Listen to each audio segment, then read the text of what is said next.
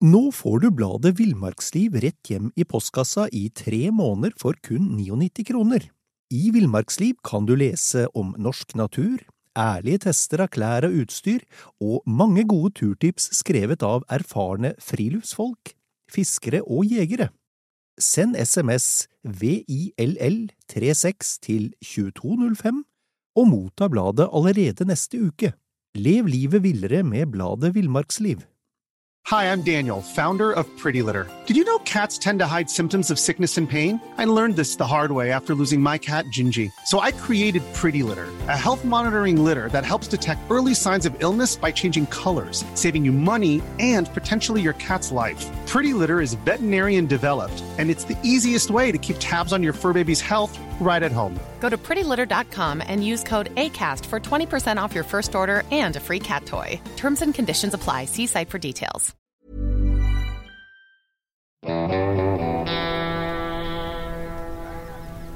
Velkommen til podkasten Villmarksliv. Mitt navn er Knut Brevik, og jeg er redaktør i bladene Villmarksliv, Jakt og Alt om fiske.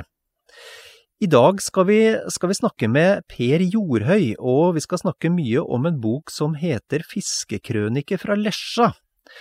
Men, men først eh, litt om deg, Per. Du, du er jo en, en, fjellets mann, og jeg forbinder deg veldig mye med, med, med høyfjell og, og villrein, jeg.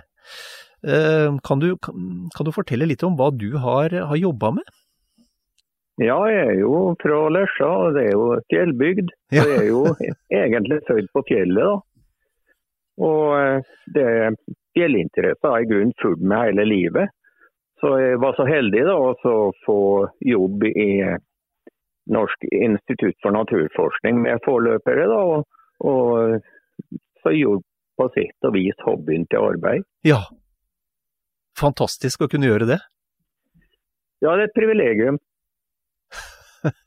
du, du, du, fortalte meg akkurat nå før vi starta at du har også jobba mye med, med ja, foruten høyfjellsøkologi og villrein, så også dette med kartlegging av den gamle fangstkulturen, du? Ja, det har vært kjempeinteressant. Vi tok over stafettpinnen etter uh, Øystein Mølmen, som har jobba et helt liv med kartlegging av den gamle fangstkulturen. Ja. Så det, det, må jeg si har vært kjempeinteressant. Og så dette med historisk interesse. Det er jo noe som kommer med alderen òg, så det er ikke så unaturlig at en på tampen av karrieren syns de det er fortreffelig, da. Mm, mm. Bare, bare, sånn før vi, før vi, forlater det, for det, det, er jo kjempespennende. Jeg har jo eh, helt sikkert ikke vært i nærheten så mye i fjellet som deg, men, men jeg har jo også hatt den fornøyelsen av å, å gå med på fangstanlegg og, og, gamle fangstinnretninger i fjellet, og det er noe dypt fascinerende med, med måten de forfedrene våre tenkte på og planla, planla jakta. Ja, Det er alle sikkert. Det blir veldig ydmyk når en ser hva slags kunnskap de hadde når de anla disse her, eh. Det er så strategisk riktig. De kunne i grunnen sikkert mye mer låse med rein sitt atferdsmønster, når de ser på hva de har gjort. Altså, det er så imponerende. Ja, og, og, og hvorfor er den kunnskapen viktig i dag? Nei, det er slik da, vet du, at eh, Før så gikk kunnskapen i arv. Så da eh, barnehagene i, i steinalderen, da satt de jo i lag med foreldrene sine og så på hva de gjorde, og fikk det inn med morsmjølken. Og i dag er det en helt annen måte å lære på. Så sa nok hatt noe vakuum underveis, slik at vi har mista veldig mye naturkunnskap. Ja. Er det fremdeles mye uoppdaga når det gjelder den gamle fangstkulturen, og ikke minst fangstanleggene deres? Ja, helt sikkert. Jeg tror at vi har veldig mye spørsmål, men veldig lite sikre svar. Så vi har en lang vei å gå for å ha en full forståelse av den historien mm. omkring fangstkulturen. Mm, mm. Ja, Spennende. Du Per, vi må, vi må, også snakke litt, ikke også, vi skal snakke om, om boka vi, og, og, boka 'Fiskekrønike fra Lesja'. Der, der, har jo du vært redaktør og, og, og forfatter. Eh, flittig bidragsyter. Ja, jeg har vært redaktør og hovedforfatter. Jeg har hatt med 16 medforfattere, og det er en liste med veldig forskjellige folk. Naturforvalter, historikere, arkitekter, siviløkonom, student, utmarkstekniker, lege, fiskebiolog, veterinær, sivilingeniør, sivilagronom. Ja, litteraturforsker og lærer, så det er ikke småtteri, som du skjønner. Og du verden. Og, og hva, var, hva, hva, er bakgrunnen for, for denne boka? Altså, hvor, når, starta, når starta ideen, hvor kom ideen fra? Nei, Ideen kom fra Lesja fjellstyre og formann i 2003 etter Ola Utgård. og Han kalte inn til et møte på gjestgiveriet her på Lesja, så da begynte ballen å rulle. Den rulla litt sakte i starten, men så ble det likere og likere. Og, og utover de siste ti årene da, så har det vært nokså intensivt med prosjektet. Men det har vært godt å ha den tida på seg òg, for en har endra fokus en del ganger og sett at det er viktig at en har med mangfoldet, og at en, at en stikker fingeren langt under grasrota, slik at en får med dette ekte og genuine fra uh, regionen boka omhandler. Ja, ja. For, for, her har dere, her dere samla litt av hvert, altså. Det må jeg si. Jeg har hatt gleden av å, å kikke i boka et stykke tid nå. Um, og så, så, så, tenker jeg også det, Per, det er jo noe Det å ha et så langt perspektiv, eller produksjonstid, på ei bok, det er jo litt sånn i, i, fjellets ånd, er det ikke det da? Det er, eh, vi har ikke dårlig tid, vi som er fjellfolk? det er vel kanskje litt tilfeldig at det uh, tok så lang tid. For jeg, jeg har jo hatt det liksom Men jeg har hatt det med meg i bakhodet hele tida, så jeg har fanga ut mye nye tråder etter hvert. Og det syns jeg har vært kjempebra. For eh, et slikt prosjekt som dette det, er, det har godt å få modnes i hodet, slik at du ser rette perspektivene inn. Ja. Så jeg, tror det har vært en eh, lur og god prosess.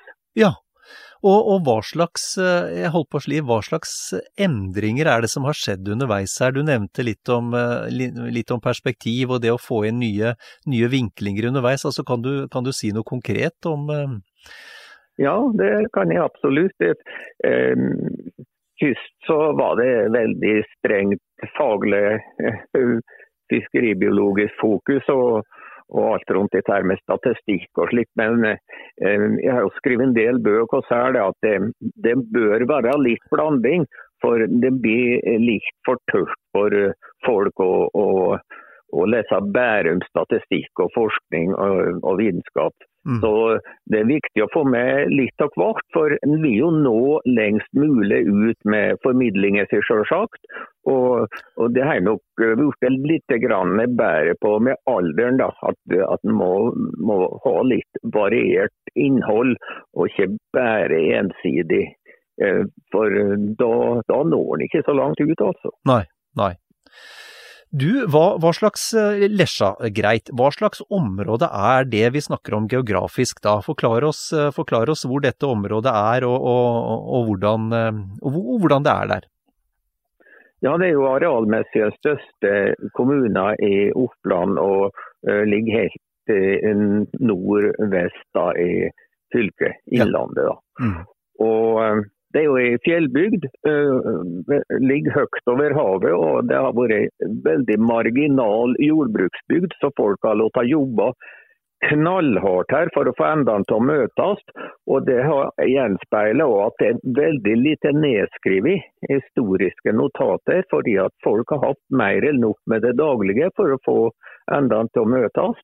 Mm. Men uh, det er et uh, virkelig flinke Eh, fjellfolk som har eh, drifta bygda si på en veldig god måte. Ja, for det, det ligger vel implisitt i det du sier, at for å overleve opp gjennom århundrene i et så vidt karrig område, så må du være uhyre dyktig til å du, du, må, du, må, kunne naturen, da, og være uhyre dyktig til å, å høste der det høstes kan?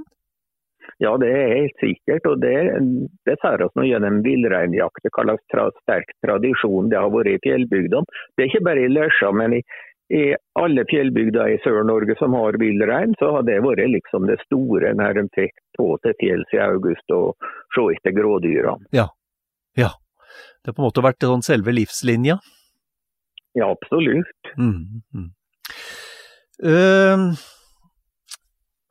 holdt jeg på å si, sånn historisk, hvor, hvor, hvor, lenge er det siden folk bosatte seg i, i Lesja-området? Det, Fins det noen gode, noen gode arkeologiske indikasjoner på det?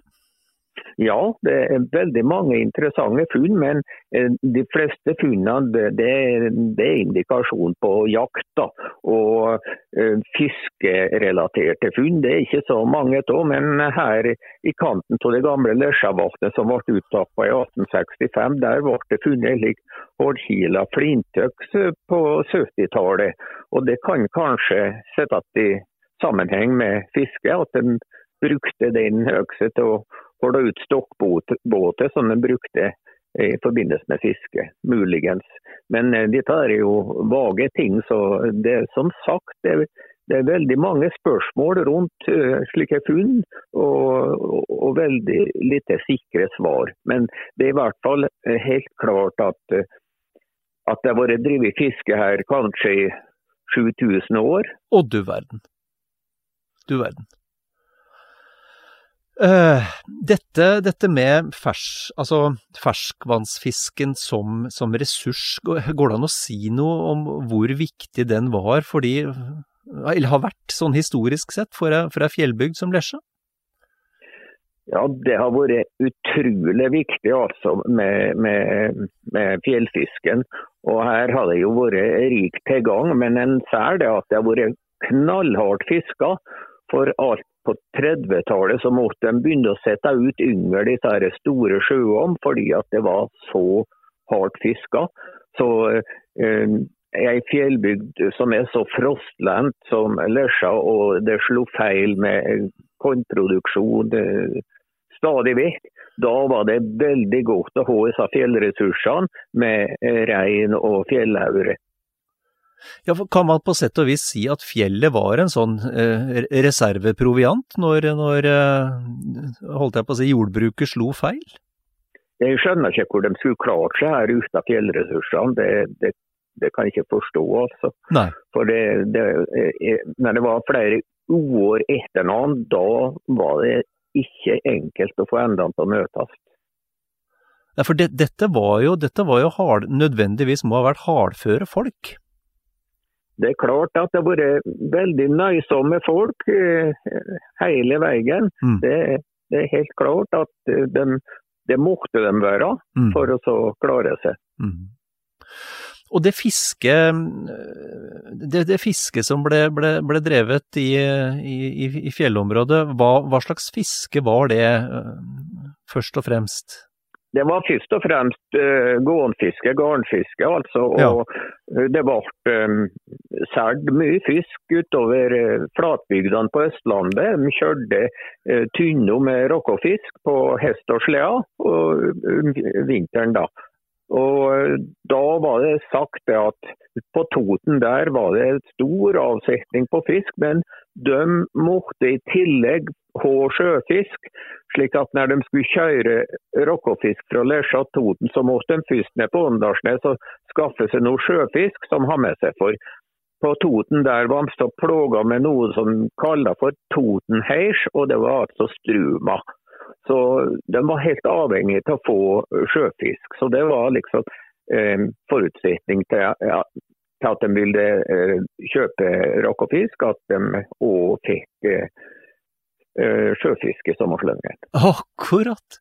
Og, og, hva slags nivåer snakker vi om her? Fins det noen slags opptegnelser av hvor mye fisk som ble, ble eksportert til Innlandet, holdt jeg på å si, eller til flatbygdene? Nei, det er ikke noe godt kvantifisert, men det er klart at eh, når de uh, har med seg tynner med, med råkkefisk, så var det ganske store mengder. Ja. uh, så uh, nå kan vi ikke sammenligne med dem de som f.eks. driver med stort salg av råkkefisk i Valdres i dag, sjølsagt. Men eh, det var jo betydelig, og en betydelig ekstrainntekt for dem som drev med det.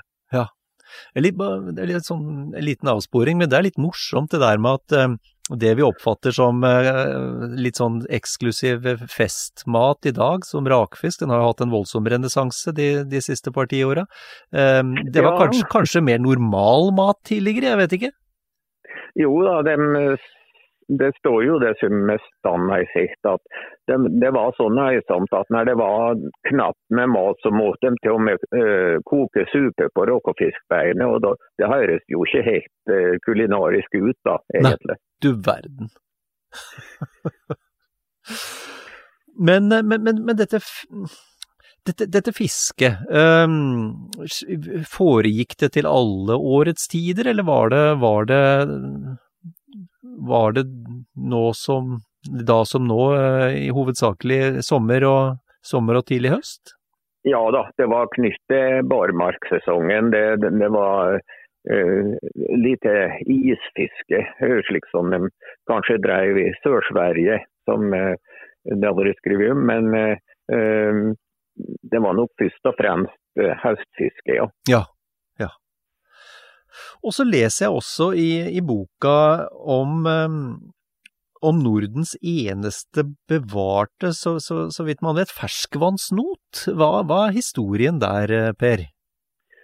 Ja, det er, det er, ganske unikt, da, for den var brukt på Lesjavatnet. Og den var brukt om høsten når storfisken har samla seg slike hølet på Lesjavatnet. Da rodde de ut en slik stor not med Åfløy, en lokal båttype som var brukt her.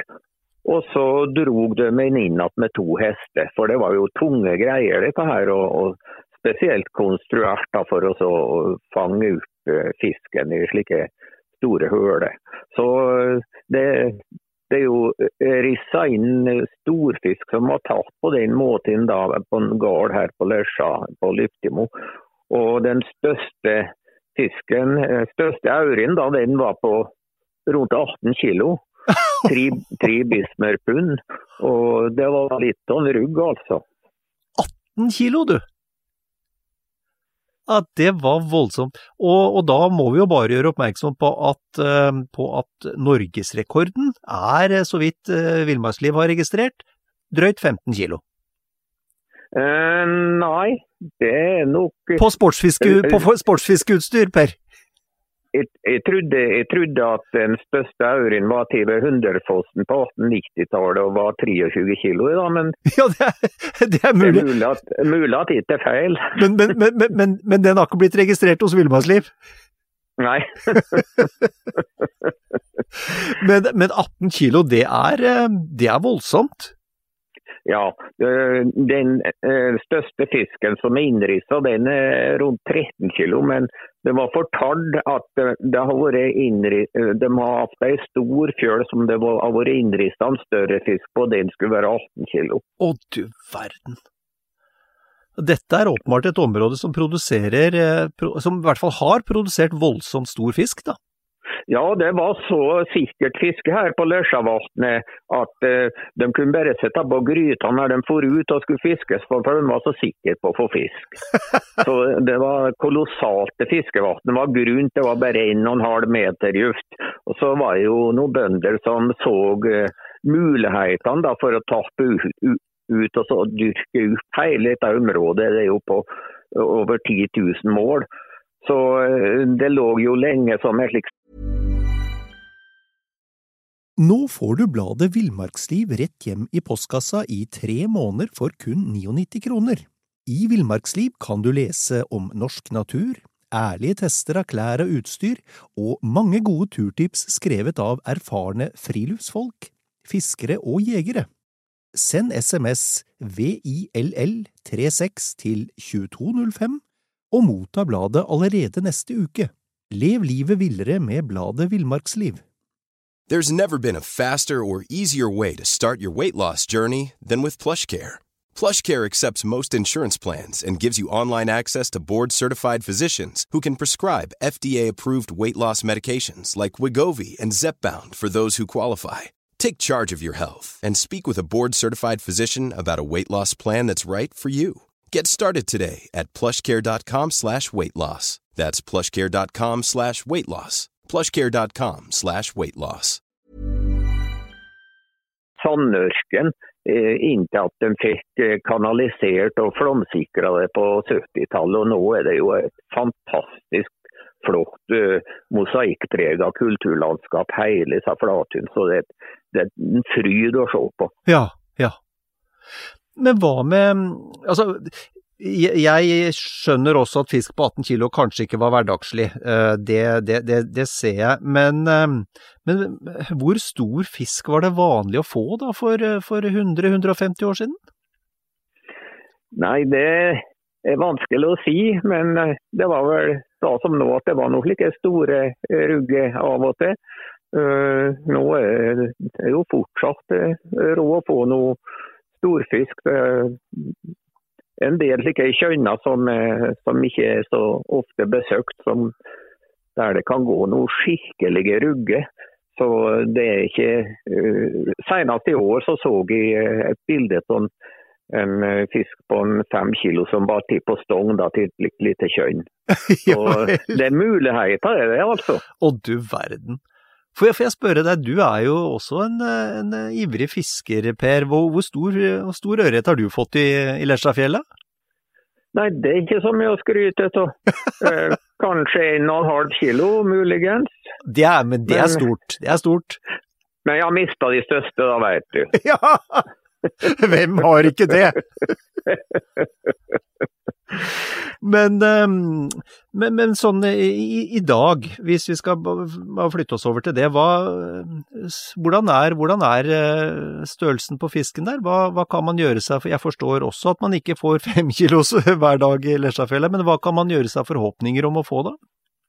Nei, nå er en del slike fluggefiskesoner med nokså stor fisk, så at eh, så gikk nå fiska her i Lågen i hoveddalføret her i fjor. og Jeg så nå flere som var over to kilo i hvert fall. Så at det er råd å få skikkelig grov aure her, det er helt klart, altså. Mm. Og, og, det er jo veldig mye fine elver og åer i, i Lesja. Sånn fine å fiske til med stong. da. Mm. Og likedan små kjønner og fjellvatn. Mm.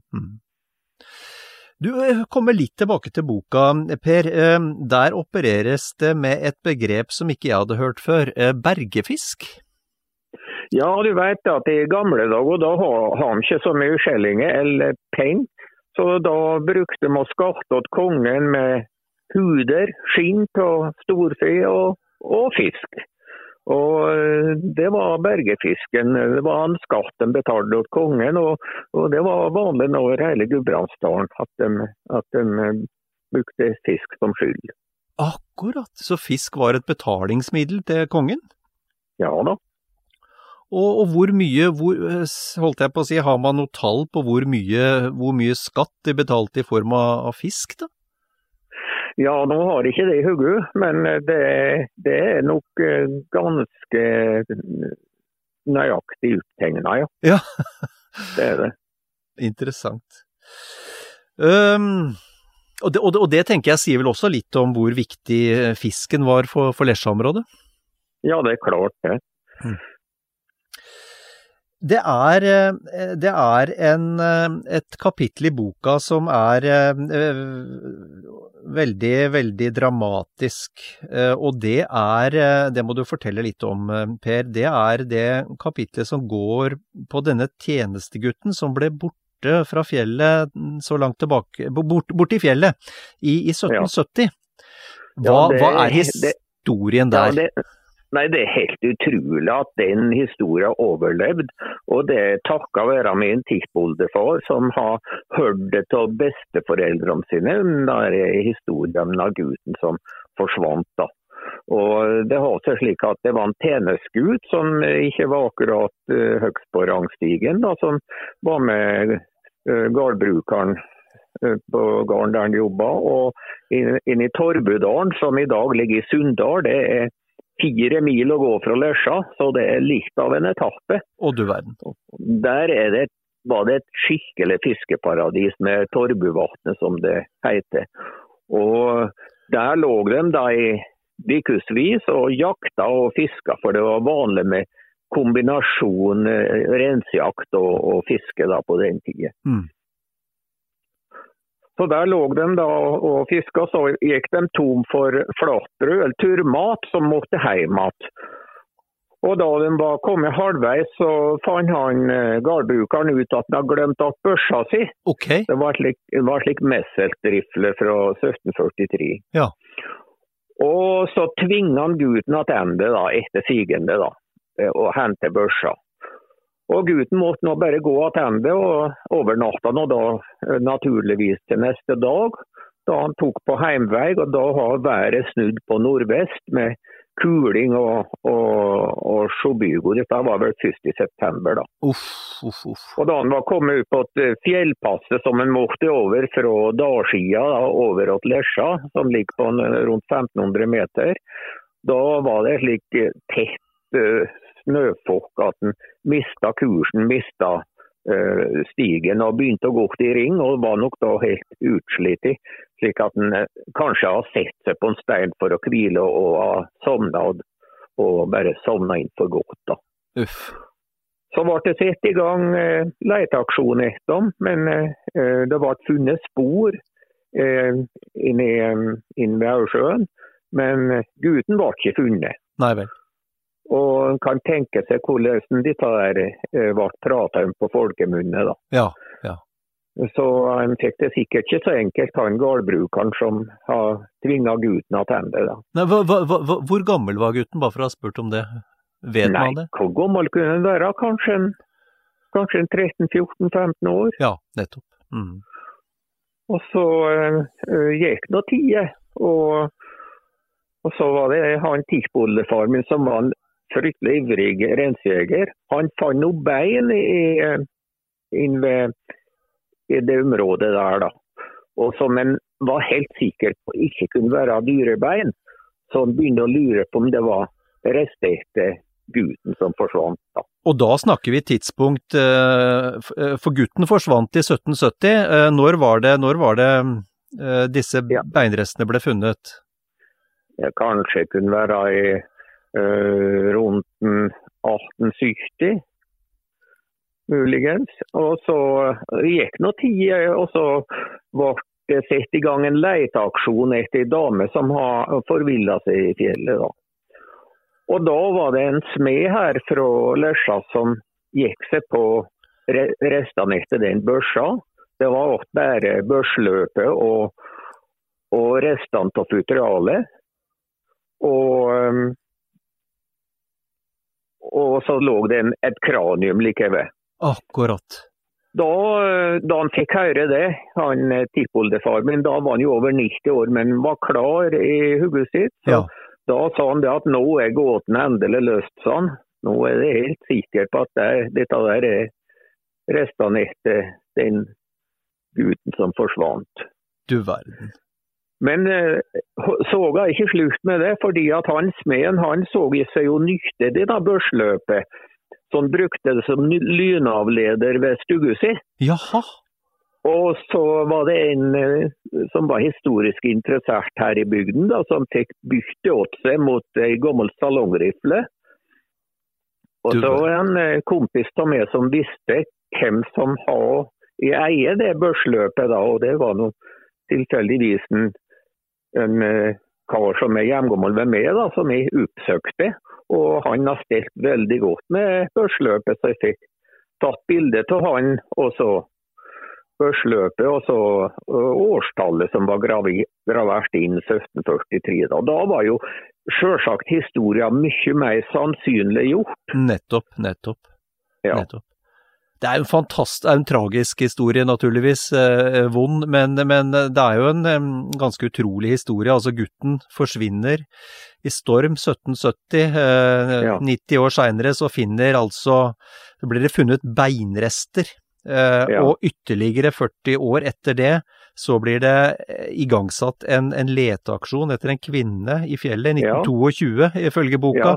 Og Ja. da gjør man altså dette funnet av, av våpenet, som er datert, som gjør at man med ganske stor sikkerhet kan si at ja, dette var faktisk levningene til gutten. Ja. Det er en utrolig Nei, det, historie. Ja, det er utrolig, altså. Det, det må jeg si. Så jeg, jeg, jeg har sett at det har vært skrevet noe om dette der i andre bøker, og så begynte jeg også å grove til det sjøl. Og så fant jeg ut eh, betydelig mye mer. og Det var jo kjempeinteressant, for det er svært få slike gamle historier som en veit med sikkerhet er riktige. Mm, mm. Uff, uff. Ja. Nei, veldig, veldig fascinerende. Og det sier jo også litt om, eh, om hvor skummelt og værhardt området kan være på, på sitt verste. Ja, det kan du si. altså Med den bekledningen de hadde da og, og de begrensningene de hadde ellers, så er det klart at det var ikke spøk. Nei, nei, nei. Du, eh, jeg må nesten også spørre deg, Per, siden du er, er lommekjent i, i, dette området, som i så mange andre områder i Norge, men hva er, hva er din største opplevelse fra, fra Lesjafjellet? Ja, det var ikke enkelt å si.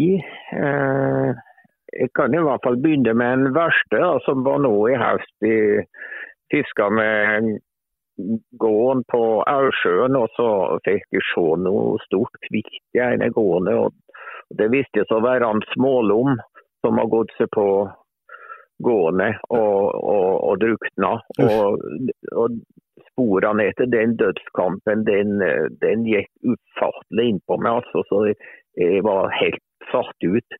og uh, så I tillegg da, så hørte vi maken som uh, flaug over og rofte.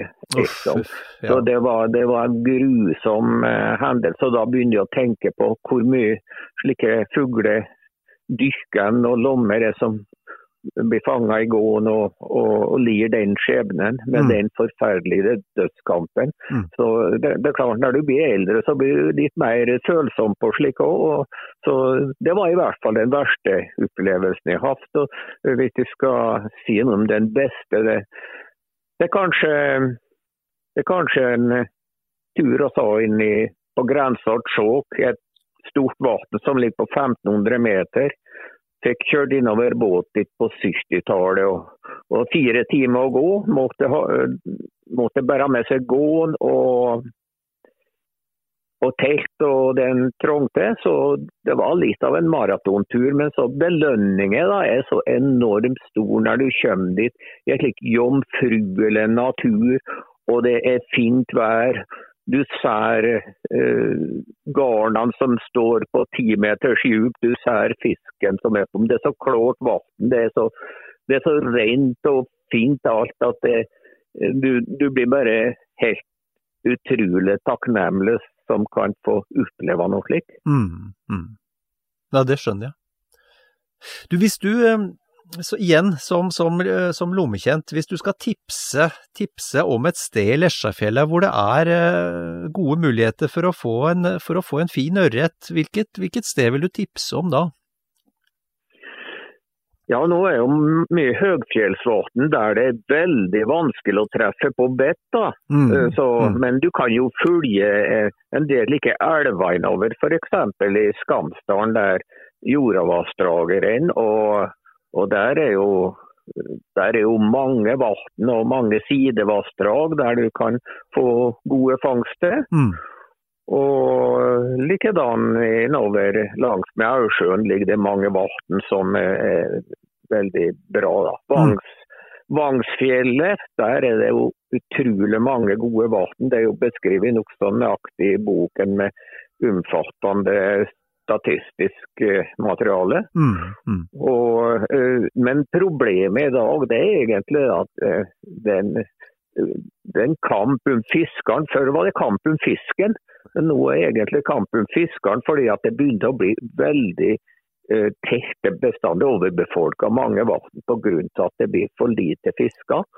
Og så ser en at uh, fisken begynner å, å gyte i flere vann som det før ikke var noe slags eh, naturlig reproduksjon. Man kan jo stille seg spørsmål om det har med klimaendringer å gjøre og slike ting, men i hvert fall eh, sikkert at det er mye naturlig reproduksjon i, i mange vann nå. Mm, mm. Så i Lesjafjellet er det behov for mer, eh, flere fiskere?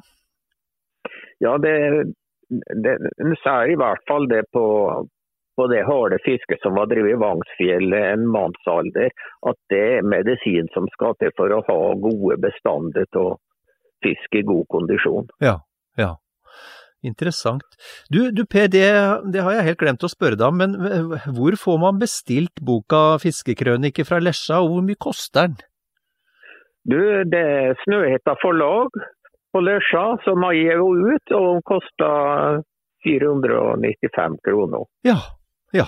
Men nå er det på 368 sider, og det er over 600 bilder til og illustrasjoner. Så det er i hvert fall et et godt bilde av fiske i ei sørnorsk fjellbygd. Ja. For dette er representativt for veldig mange eh, fjellbygder i Sør-Norge. Mm, mm. Ja, det kan jeg skrive under på. Spennende, veldig, veldig spennende materiale. Nei, men Per, Eh, veldig, veldig gøy å, å, prate med deg om både Lesja og boka. Tusen hjertelig takk for praten, og, og, så får du ha, og så får du ha, hva skal vi si, skitt fiske? Ja, takk for det. Jeg setter jo veldig pris på at uh, dere i Villmarksliv er så flinke til å formidle fiske i norsk natur. Nå får du bladet Villmarksliv rett hjem i postkassa i tre måneder for kun 99 kroner. I Villmarksliv kan du lese om norsk natur, ærlige tester av klær og utstyr, og mange gode turtips skrevet av erfarne friluftsfolk, fiskere og jegere. Send SMS VILL36 til 2205 og motta bladet allerede neste uke. Lev livet villere med bladet Villmarksliv. Imagine the softest sheets you've ever felt. Now imagine them getting even softer over time. That's what you'll feel with Bowl and Branch's organic cotton sheets. In a recent customer survey, 96% replied that Bowl and Branch sheets get softer with every wash. Start getting your best night's sleep in these sheets that get softer and softer for years to come. Try their sheets with a 30-night guarantee. Plus, get 15% off your first order at bowlandbranch.com. Code BUTTERY. Exclusions apply. See site for details. Mom deserves the best, and there's no better place to shop for Mother's Day than Whole Foods Market. They're your destination for unbeatable savings, from premium gifts to show-stopping flowers and irresistible desserts. Start by saving 33% with Prime on all body care and candles. Then get a 15-stem bunch of tulips for just $9.99 each with Prime. Round out Mom's menu with festive rosé, irresistible berry chantilly cake, and more special treats. Come celebrate Mother's Day at Whole Foods Market. Det skal vi prøve å fortsette med. Ja. Takk for praten.